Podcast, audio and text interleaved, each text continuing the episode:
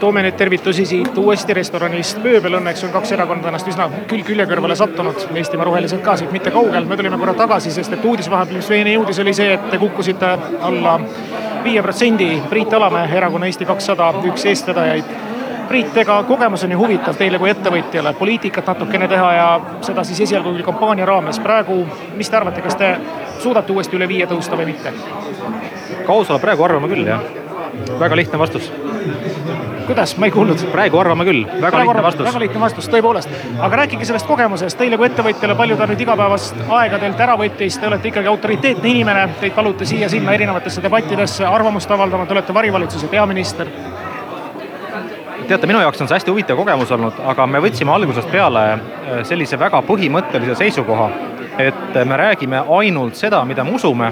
Ja eesmärk on see, et äh, neljanda märtsi hommikul, kui me vaatame peeglisse, peseme hambaid, siis ei peaks iseenda pärast häbi olema. ja täna ma julgen hommikul peeglisse vaadata homme ja mul ei ole häbi. Ega ma pean küsima ikkagi ära, ma eeldan ikkagi, et te olite ka erakonnale üsna suure toepakkuja, mis puudutas siis nii-öelda materiaalset tuge, et äh, oli see nüüd äh, asjata investeering või see on ikkagi asjata läinud investeering? teate, me oleme, me oleme seda kõike ise finantseerinud, meil ei ole riigiarve, eelarvelist tuge taga noh, kõik on pannud täpselt jõudumööda, et siin mina olen pannud, Indrek on pannud, Marek on, kõik on pannud, eks ju. et äh, me ei vaata seda kui mingit investeeringut, see on asi, millesse me usume.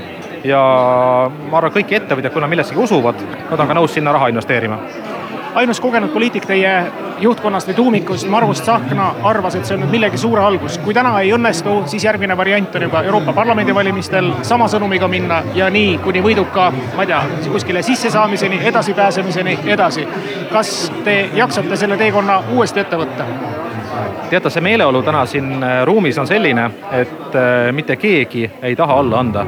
noh, kõik üksmeelselt ütlevad seda, et kuulge, me oleme midagi väga lahedaga hakkama saanud, meil on juba täna, ma ei tea, viisteist, kuusteist, kaheksateist, kolmkümmend tuhat häält rohkem kui eelmistel valimistel. et kõik tahavad edasi panna, aga ma ütlen ausalt, et eh, noh, kogu tähelepanu on olnud sellel, eh, et teha siin valimistel hea tulemus. Ja mitte keegi isegi pole mõelnud selle peale, kes võiks olla näiteks eh, Euro, Europarlamendi valimistel mingi kandidaat no e-hääled andsid teile ju tegelikult päris korraliku kick-up'i ja stardi kätte tarkvaraettevõtjana kindlasti nüüd teate, et järele jõuavad nüüd sellised äh, konservatiivsemad valijad ja millel rajaneb teie optimism ikkagi, et edasi saate? ei no aga minule, minu optimism põhineb ainult faktidel mul ei ole niisugune põhjendamatut optimismi. aga oleme ausad, meie inimesed on äh, väga kõvasti olnud äh, tänavakampaanias noh, kui vaadata viimast kahte debatti, noh, ERR on mõlemas andnud meile võidu, ma arvan, et me oleme tõestanud seda, et eh, me teame, millest me räägime.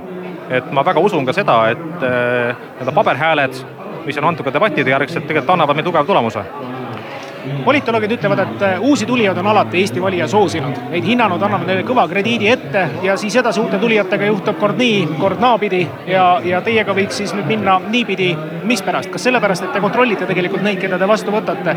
omal ajal Res Publica alustades võttis vastu absoluutselt kõiki, kes tulid uksest aknast, küsimata no tont teab midagi, aga teil on see nii-öelda filter korralikult olemas, et te võtate tõesti ainult neid, kes teie ideesse usuvad.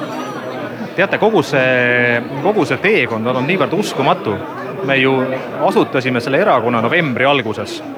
ja kui mõelda seda, et me oleme alates novembrist asutanud erakonna, kirjutanud kokku programmi eh,, pannud kokku sada kakskümmend viis eh, inimesest koosnev valimisnimekirja, et eh, ma arvan, me oleme kõike teinud absoluutselt üle, üle inimvõimete piiri kampaania juurde loomulikult käib see, et korralikult antakse hargiga sinna, kuhu pole vaja vastaserakondade ja oponentide poolt, no eeskätt, aga samal ajal kõik tunnistavad, et sellist värsket hingamist Eesti kahesaja näol ja ideede näol oleks justkui nagu väga vaja.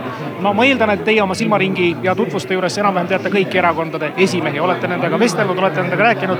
mida siis tagatoas on räägitud, kuulge poisid, ärge pange tähele, see on poliitika, aga tegelikult ajate õiget asja.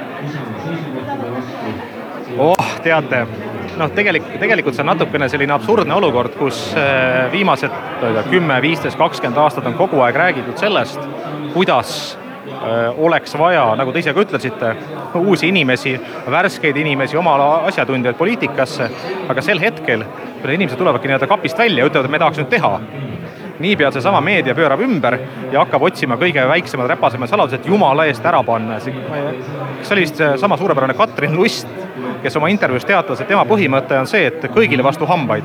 no senikaua, kui selline põhimõte on, siis mingil hetkel ühe nii-öelda päris inimesed ei tahagi enam välja tulla.